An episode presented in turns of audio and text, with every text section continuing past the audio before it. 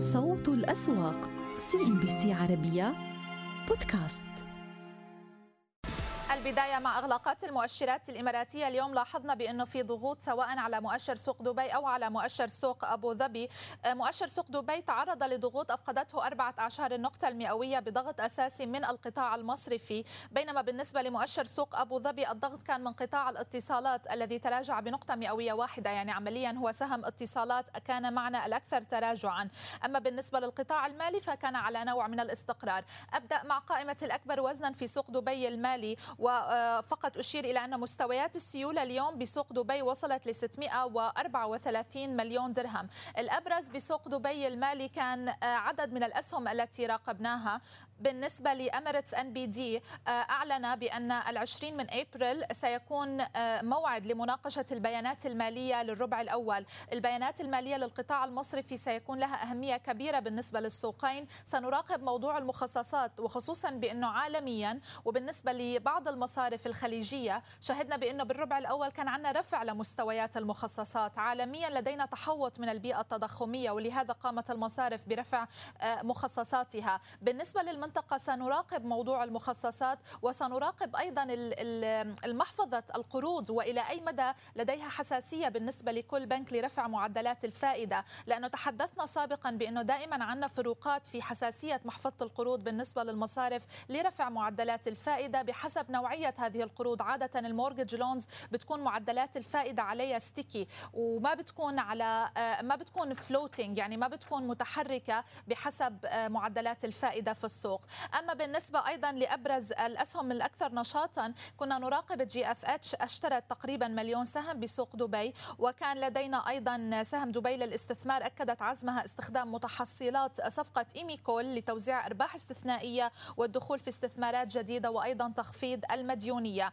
قائمة الأكثر ارتفاعا والأكثر تراجعا بسوق دبي المالي بالنسبة لجلسة اليوم الأكبر الرابحين بقيادة الخليج للملاحة والاتحاد العقارية وبالنسبة لقائمة التراجعات التراجعات الأبرز كانت بقيادة آه، السلام السودان الصناعات وأيضا سهم شركة سوق دبي المالي. على كل اليوم أتمينا تقريبا أسبوع على إدراج سهم هيئة كهرباء ومياه دبي. ولاحظنا بأنه أكثر من 60% من سيولة السوق كانت اتجهت لسهم ديوا على مدى الفترة الماضية. أذهب إلى الأسهم الأكبر وزنا بسوق أبو ظبي المالي. لاحظنا اليوم الضغط من سهم اتصالات بينما لاحظنا نوع من الاستقرار على أبو ظبي الأول. لاحظوا اتصالات على تراجعات التراجعات بأكثر من نقطة مئوية واحدة. مستويات السيولة اليوم بسوق أبو ظبي سجلت تقريبا مليار و600 مليون درهم. لو فقط نلقي نظرة على قائمة الأسهم الأكثر نشاطا في جلسة اليوم كنا نراقب سهم الجرافات البحرية. آه، سهم الجرافات البحرية لو فقط إذا آه، نرى إغلاق جلسة اليوم. شركة تابعة هي الإنشاءات البترولية الوطنية آه، وقعت وفازت بعقد بقيمة 363 مليون درهم. العقد عقد من يانينغ ويند باور المتحدة التايوانية. وبالتالي كان هذا معنا من الأسهم الأبرز في آه، سوق أبو ظبي المالي. عموما بالنسبة لمؤشر سوق أبو ظبي نحن لاحظنا اليوم في تراجعات آه، أغلقنا دون مستويات العشرة آلاف نقطة. وهذا أمر طبيعي جدا لأنه نحن وصلنا لمستويات قياسية بالنسبة لمؤشر سوق أبو ظبي. وبالتالي من الطبيعي أن نشهد هذا النوع من التذبذب. نحن تجاوزنا العشرة آلاف ومئة نقطة في حتى آه، أكثر من إغلاق. وبالتالي وبالتالي هذه المستويات هي بحاجة للمزيد من الزخم والمزيد والمزيد من المحفزات. السؤال إلى أي مدى نتائج القطاع المصري في في سوق أبو ظبي؟ إلى أي مدى نتائج قطاع الاتصالات؟ وسهم اتصالات سيعود ويدعم السوق صعودا لأنه الواضح بأنه خلال هذه الفترة الأبرز سيكون متابعة نتائج شركات الربع الأول وخصوصا بأنه كانت البيئة الاقتصادية عنيفة. كان في عنا ارتفاع لمعدلات التضخم ارتفاع كبير في أسعار مدخلات الإنتاج الإنتاج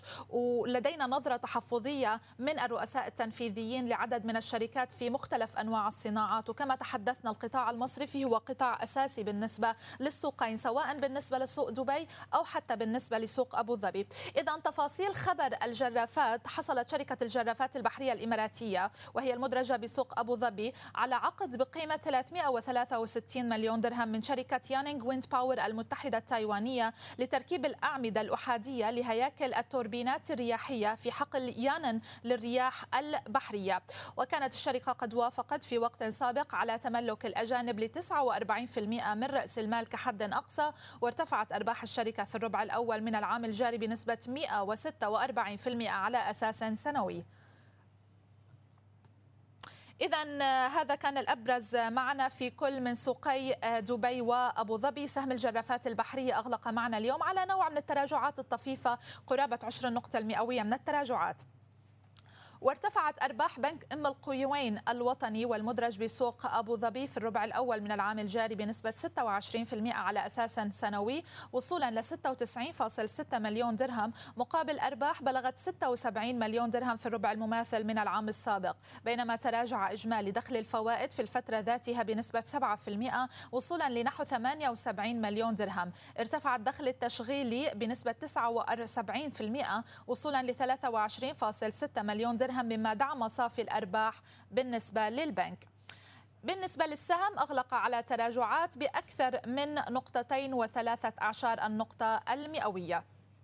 وتخطط دبي للاستثمار والمدرجة بسوق دبي لاستثمار مبلغ التخارج آه، من ما نسبته 50% من شركة إيميكول بعدة طرق. منها الدخول باستثمارات جديدة وتخفيض مديونية الشركة وتوزيع أرباح استثنائية على المساهمين. أعلنت الشركة في بيان لها لسوق دبي أن ربحيتها قد ارتفعت بما يعادل 950 مليون درهم. سهم دبي للاستثمار اليوم على نوع من الثبات. هذه التراجعات هي ليست بالكبيرة. نتحدث تقريبا عن ثلاثة أو أربعة أعشار النقطة المئوية. ومؤشر البورصة القطرية فقد مستويات الأربعة عشر ألف نقطة في جلسة اليوم. إذا التراجعات بنصف النقطة المئوية أفقدت المؤشر مستويات نفسية هامة هي الأربعة عشر ألف نقطة ضغط اليوم من القطاع المصرفي إلى حد كبير الذي تراجع بنصف النقطة المئوية. نلقي نظرة مباشرة على الأسهم الأكثر نشاطا في جلسة اليوم لأنه كان لدينا الكثير من الأسهم التي والشركات التي أعلنت عن النتائج.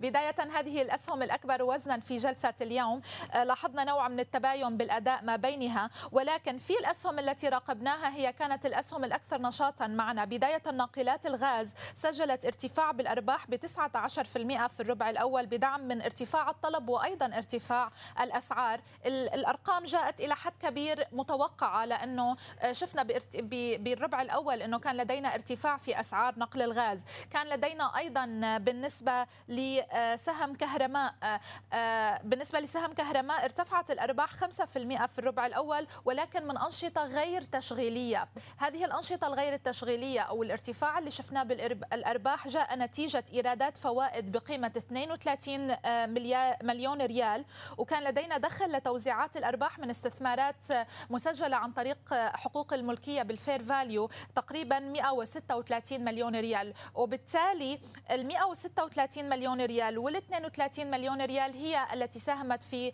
دعم نتائج كهرماء ولكنها تعتبر أرقام أو يعني بنود غير تشغيلية. لو فقط نعود ونلقي نظرة إذا على قائمة الأكثر أكبر الرابحين. كان لدينا مجمع المناعي دلالة أيضا زاد القابضة. على كل كان لدينا المفروض يكون عندنا عمومية لمزايا تأجلت العمومية بسبب عدم اكتمال النصاب القانوني.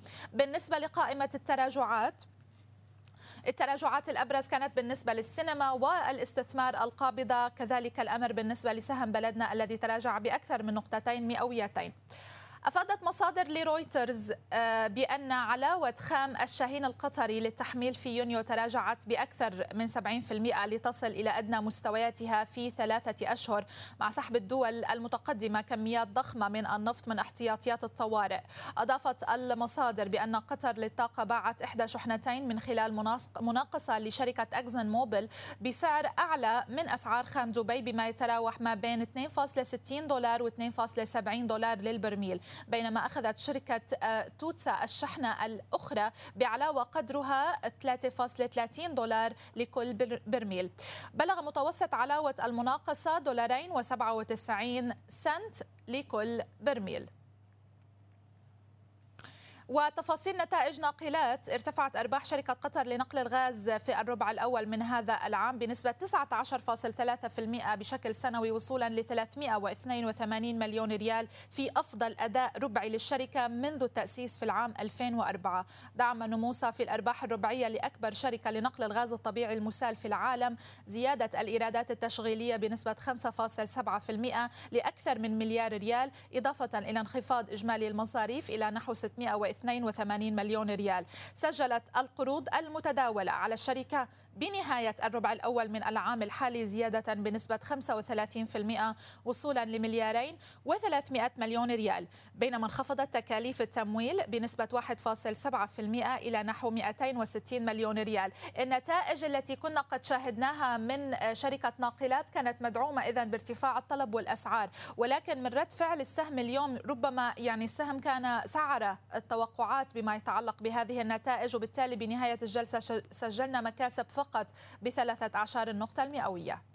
وبالنسبة للمؤشرات الكويتية اليوم كان لدينا تراجعات جماعية وصلت تقريبا لنقطة مئوية واحدة. السيولة كانت قوية بتقريبا 70 مليون دينار كويتي. ولكن الضغط الأساسي اليوم كان القطاع المصرفي. سأتحدث بعد قليل عن تفاصيل القطاع المصرفي ولكن قبل ذلك نذكركم بأبرز الأخبار التي تابعناها اليوم في البورصة الكويتية. بداية مؤسسة الخليج للاستثمار حققت 130 مليون دولار أرباح صافية عن العام 2021 ومنازل المنازل القابضة آه، آه، عينت السادس والعشرين من مايو لتصويت العمومية على عدم توزيع أرباح عن العام 2021 أعود إلى قائمة الأكثر نشاطا بالنسبة لجلسة اليوم. وطبعا الأخبار الأبرز اليوم تتعلق بالقطاع المصرفي الكويتي لأنه S&P تحدثت بأنها آه، ترى لأنه للقطاع المصرفي الكويتي مخاطر كبيرة في ظل الانكشاف الكبير على القطاع العقاري. لأنه القطاع العقاري وتحديدا قروض القطاع العقاري تمثل أكثر من 30% من محفظة القروض بالنسبة للمصارف. تحدثت S&P بأنها ترى آه، أن رفع معدلات الفائدة سيدعم القطاع المصرفي خلال الفترة القادمة ولكن تخوفت من هذا الانكشاف الكبير على القطاع العقاري. ولذلك شهدنا هذه الضغوط الكبيرة على هذا القطاع في جلسة اليوم وحتى أثر على المعنويات بشكل عام وهبط بالمؤشرات الكويتية. ولاحظنا بأن التراجعات الأكبر كانت إلى حد كبير على المؤشر الأول. وتراجعت قيمة المناقصات والعقود التي فازت بها الشركات الكويتية المدرجة في بورصة الكويت خلال فترة الربع الأول بنسبة 11% مقارنة مع ذات الفترة من العام الماضي حيث بلغت 555.4 مليون دينار كويتي مقارنة ب 622 مليون دينار كويتي لذات الفترة من العام الماضي. فازت 11 شركة ب 17 عقدا بنهاية الثلاثة أشهر الماضية مقارنة مع 12 شركة فازت ب 8 18 عقدا في الفترة المماثلة من العام 2021 تصدرت وزارة الصحة الجهات آه، التي طرحت مناقصات وعقود في الربع الأول بلغت ثلاث عقود بقيمة تجاوزت ال 404 ملايين دينار مثلت تقريبا 72.7% من الإجمالي. طرحت مؤسسة الموانئ عقدين بقيمة 66.5 مليون دينار تمثل 11.9% من الإجمالي. وتصدرت شركة السفن قائمة الشركات الفائزة بعقود ومناقصات بثلاث عقود بقيمة 69 مليون دينار شكلت 12.4% من إجمالي قيمة العقود. حلت شركة المجموعة المشتركة في المرتبة الثانية من خلال فوزها بأربع عقود بقيمة 29.7 مليون دينار شكلت 5.3% من الإجمالي. مشاهدينا بكل الأحوال كنا قد تابعنا أيضا آه، إغلاق كل من مؤشري بورصة مسقط وأيضا بالنسبة لمؤشر سوق البحرين لو فقط نلقي نظرة على الإغلاقات بالنسبة لجلسة اليوم. وكنا أيضا في مراقبة لتطورات وتحركات أسعار النفط. بداية بالنسبة لبورصة مسقط سجلنا تراجعات بعشر النقطة المئوية. نلقي نظرة على إغلاق مؤشر سوق البحرين أيضا بالنسبة لجلسة اليوم. كيف كانت الإغلاقات؟ الإغلاق كان على نوع من الاستقرار لأنه التراجعات هامشية جدا بتقريبا عشري النقطة المئوية. تحركات أسعار النفط كانت آه، أمر مثير للاهتمام خلال جلسة اليوم لأنه عدنا للمستويات الأعلى في ثلاثة أسابيع. سجل برنت تقريبا 112 دولار بدعم من المخاوف آه، من نقص المعروض وخصوصا بأنه نهاية الأسبوع الماضي آه، سجلنا ارتفاعات بأكثر من نقطتين وخمس وخمسة أعشار النقطة المئوية بسبب الحديث الحديث الأوروبي عن احتمالية حظر لاستيراد النفط الروسي. بهذا نكون قد وصلنا إلى نهاية مسار السوق. نشكر لكم حسن المتابعة وإلى اللقاء. صوت الأسواق CNBC عربية بودكاست. ذكر بيان لوزارة التجارة والصناعة المصرية توضح فيه قرارات إيقاف وشطب عدد من الشركات المصدرة للسوق المصري. وبموجب القرار فإنه يتعين على الشركات الراغبة بالتصدير إلى مصر أن تقوم بتجديد المستندات التي لها تاريخ صلاحية خلال مدة لا تتجاوز 30 يوما من تاريخ انتهاء الصلاحية. أما في حال وجود مستند انتهت صلاحيته يتم توجيه إنذار لمدة أسبوعين على موقع الهيئة العامة للرقابة على الصادرات والواردات. ولم يتم التجديد فسيتم البدء في إجراءات الإيقاف لمدة عام. أما في حال عدم التجديد سيتم الشطب للشركة لعدم جديتها بالدخول إلى السوق المصري. نتجه إلى القاهرة رانيا يعقوب رئيسة مجلس ثري واي لتداول الأوراق المالية تطلعنا على مزيد من حركة السوق اليوم. أهلا بك معنا رانيا وشكرا على وجودك. ما الذي اختلف بين جلسة الأمس واليوم؟ يعني إحنا كنا شايفين بالأمس ارتدادة فقط طالت الأسهم القيادية مع عودة تحركات هرمز صوب الصعود. اليوم الحركة انعكست لهرمز وبقي على تراجع لكن حافظ الثيرتي على بعض المكاسب وهو ما أدى إلى ارتدادة جماعية للمؤشرات كافة.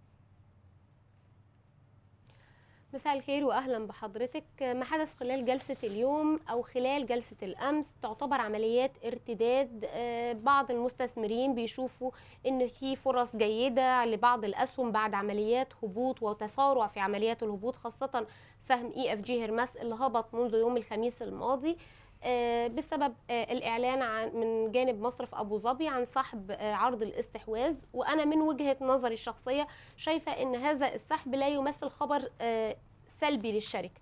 بالعكس أنا من وجهة نظري شايفة إن كان الرقم ده رقم أقل من القيمة العادلة لهذه الشركة. وكنا في انتظار تعيين تعيين مستشار مالي مستقل وتقييم هذه الشركة من قبل مجلس الإدارة وده كان فعلا الخطوات اللي بيقوموا بيها. ولكن بصورة عامة نرجع تاني إن الهبوط المتسارع اللي ما كانش فيه سبب واضح ليه سواء للقوائم المالية للشركة أو لغيرها.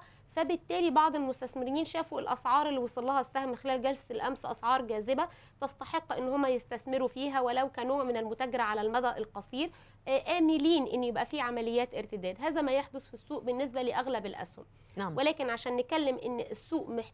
في سيولة جديدة بتدخل للأسف السوق بيفتقر لدخول سيولة جديدة سواء من المؤسسات أو من الأفراد نتيجة المخاوف وحالة الترقب بصورة عامة لما يتم الإعلان عنه عالميا ومحليا من أخبار تخص بقى سواء حزم لمواجهة أو لامتصاص حدة ارتفاع معدلات التضخم بصورة كبيرة جدا داخليا المخاوف العالمية من تطور الأحداث.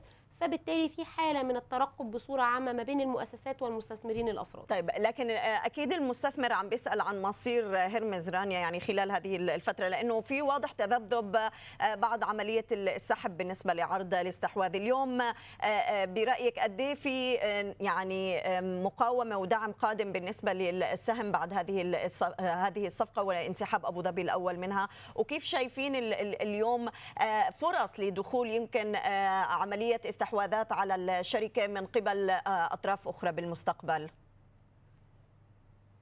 بالطبع إحنا النهارده مش هنرجع نقول ولا نعيد إن الأصول المصرية أصول جاذبة. أصول بينظر إليها ويمكن يعني بالواقع العملي. في الربع الأخير من العام الماضي ويمكن منذ بداية هذا العام ورغم الأحداث والمخاوف العالمية والتطورات اللي إحنا بنعيشها يوم بيوم وساعة بساعة ولكن النهارده شايفين إن في اهتمام كبير جدا من جانب المستثمرين إن هم يضعوا أموالهم ويستثمروها في الأصول المصرية اللي هي أصلا أصول رخيصة تتداول بمضاعف ربحية منخفض وبعد التعويم الجزئي اللي حصل لقيمة الجنيه المصري خلال الإجراءات الأخيرة في 21 مارس أصبحت أكثر رخصا وأكثر جاذبية إلى جانب إنها شركات قوية في قطاعات قوية. يعني خلينا نقول إن الصفقه مثلا الأخيرة الخاصة بالخمس شركات اللي تم الاستحواذ عليهم هي في خمس قطاعات مختلفة في القطاع المصري قطاع البنوك قطاع الخدمات المالية قطاع اللوجستيات البتروكيماويات الأسمدة. فبالتالي ده يمكن بيدينا رؤية إن المستثمر مش مهتم بقطاع دونا عن الآخر. نعم. أنا ما زلت بتوقع إن EFG Hermes من أهم الشركات آه، العاملة في هذا المجال آه، هي أكبر بنك استثمار في منطقة الشرق الأوسط وشمال أفريقيا.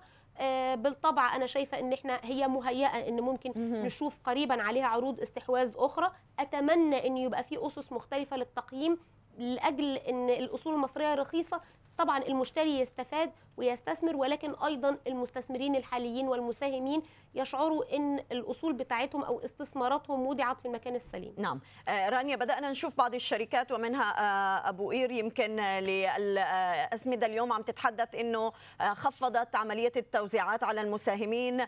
يمكن بسبب هذه الظروف آه، يعني ما بين روسيا وأوكرانيا. برأيك آه، هل سيكون نهج بالنسبة للشركات اليوم مراجعة آه، التوزيعات النقدية على مساهميها وفقا للظروف اللي عم بتمر بها الأسواق. بالطبع خليني أقول لحضرتك من الحكمة على مجالس الإدارات إن هم بيراجعوا مرة أخرى كيفية صرف أرباح الشركات.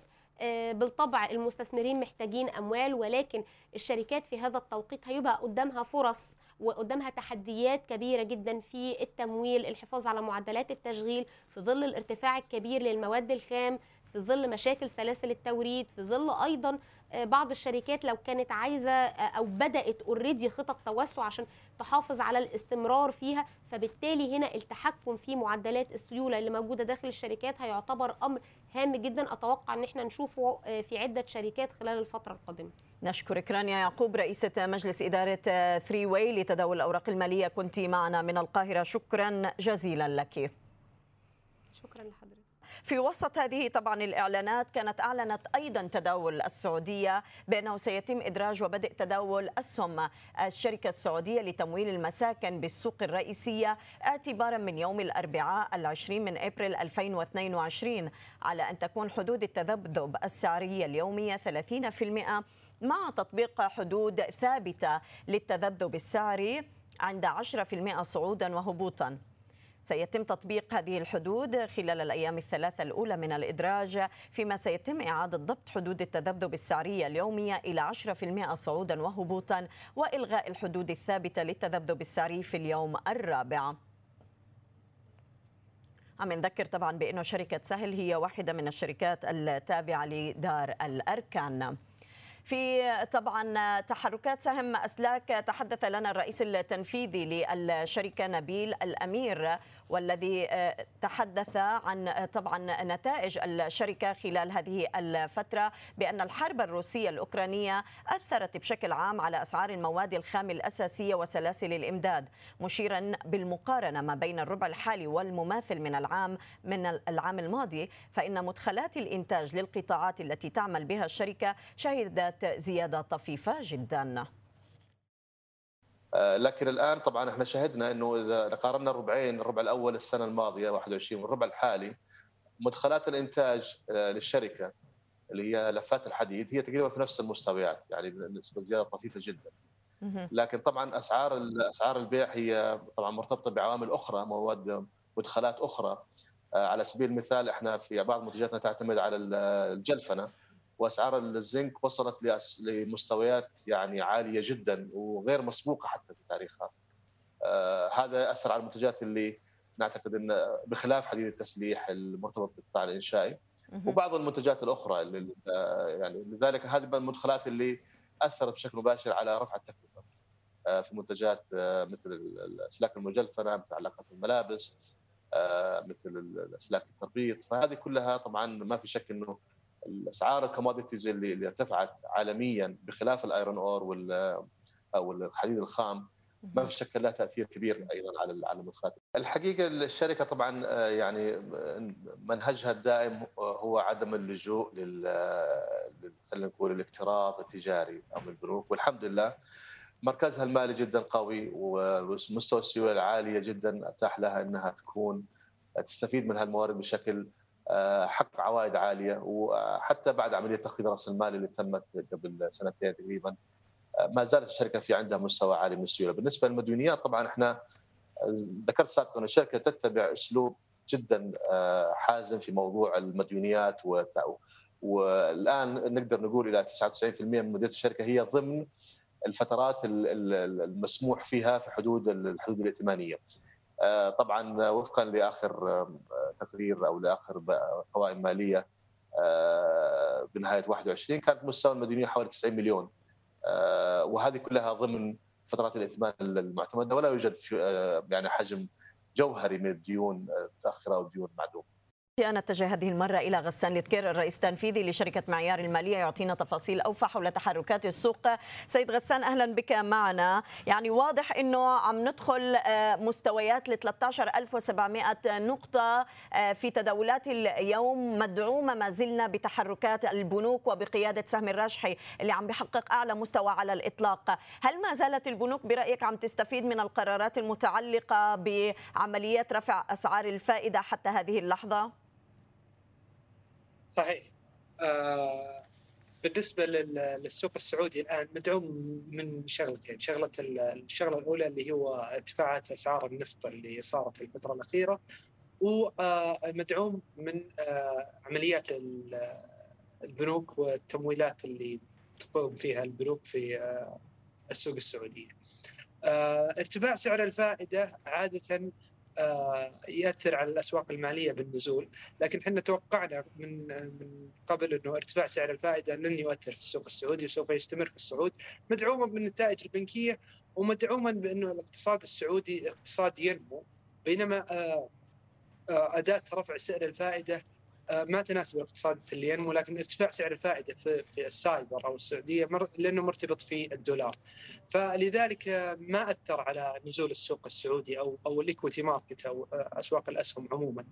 آه، لا طالما أنه النتائج الربعية للبنوك واللي أعتقد إنها بتكون عالية وكثير من المحللين يعتقدون هذا الشيء. أيضا نتائج البتروكيماويات لارتفاع اسعار المنتجات وأيضا المشاكل الموجودة في آه، منطقة أوروبا آه، فزاد آه، كمية المبيعات للشركات السعودية. على الرغم من وجود مشاكل في سلاسل الإمداد هذا يخص قطاع البتروكيماويات لكن أعتقد أن السوق السعودي مدعوم نشاطات البنوك ومدعوم بأسعار البترول. واعتقد إنه راح يكمل في هذا المستويات. نعم، وهذا السؤال يعني أيضا آه، سيد غسان يعني رغم آه، إنه البتروكيماويات ما زالت متأثرة آه، يعني بسلاسل الإمداد ويمكن هذا عم يظهر ببعض النتائج اللي عم تظهر بفترة الربع الأول، الشركات ما زالت أيضا عم بتحافظ على مستوياتها وتوزيعاتها النقدية، كيف تقرؤون التوزيعات حتى الآن من قبل هذه الشركات؟ آه، بالنسبة للتوزيعات أو حتى مكررات الربحية. في فترة النتائج عادة تكون في فترة حيرة في السوق السعودي أو في الأسواق العالمية. لكن السؤال اللي يطرح المستثمر نفسه هل بعد انتهاء فترة النتائج مكرر السوق راح ينخفض أو راح يرتفع؟ إذا مكرر السوق راح يرتفع معناته أن السوق قاعد يتداول بقيم أعلى من المفروض أنه يتداول عليها. لكن إذا مكرر السوق راح ينخفض بعد انتهاء النتائج معناته أنه ما زال السوق فيه فرص. أنا أعتقد النتائج بتكون عالية. مكرر السوق راح ينخفض بعد آه، انتهاء آه، النتائج. آه، واعتقد أن السوق بيكمل بالارتفاع. وتوزيعات الأرباح أعتقد أنها ربع عن ربع بترتفع بالسوق السعودي، أعتقد أن الشركات قادرة أنها توزع أرباح، قادرة أنها تأخذ تمويلات حتى للتوسع في النشاط الرئيسي. بالنسبة لتوزيعات الأرباح وبرنامج شريك إلى الآن الموضوع تفاصيله. آه، غير واضحة. آه، آه، توزيع الأرباح ليس هو الدافع الرئيسي لارتفاع الشركة. نعم. أيضا هو يوجد حلول للشركات غير توزيع الأرباح لتوسعة النشاط. زيادة رأس مالة الشركة نفسها توزيع أسهم منح كل هذه عوامل أعتقد إنها بتعطي دافع للسوق السعودي. بغض النظر إذا ما تم توزيع أرباح أو غيره. نعم. نشكرك. برنامج شريك يحرص إيه تفضل. برنامج شريك يحرص برنامج شريك يحرص إن الشركات تحتفظ بالأرباح عن التوزيع وتتوسع في أنشطتها الرئيسية وهذا هدف آه، همه الاقتصاد ككل. نشكرك سيد غسان الذكير الرئيس التنفيذي لشركة معيار المالية كنت معنا من الرياض. شكرا جزيلا لك. كانت هذه جولتنا على السوق السعودي. إذا ارتفاعات جماعية شهدناها على التاسي والموازي وأيضا ارتدادا للنطاق الأخضر بالنسبة للمؤشرات المصرية. بهذا نأتي لنهاية الكلام. أشكر لكم حسن المتابعة.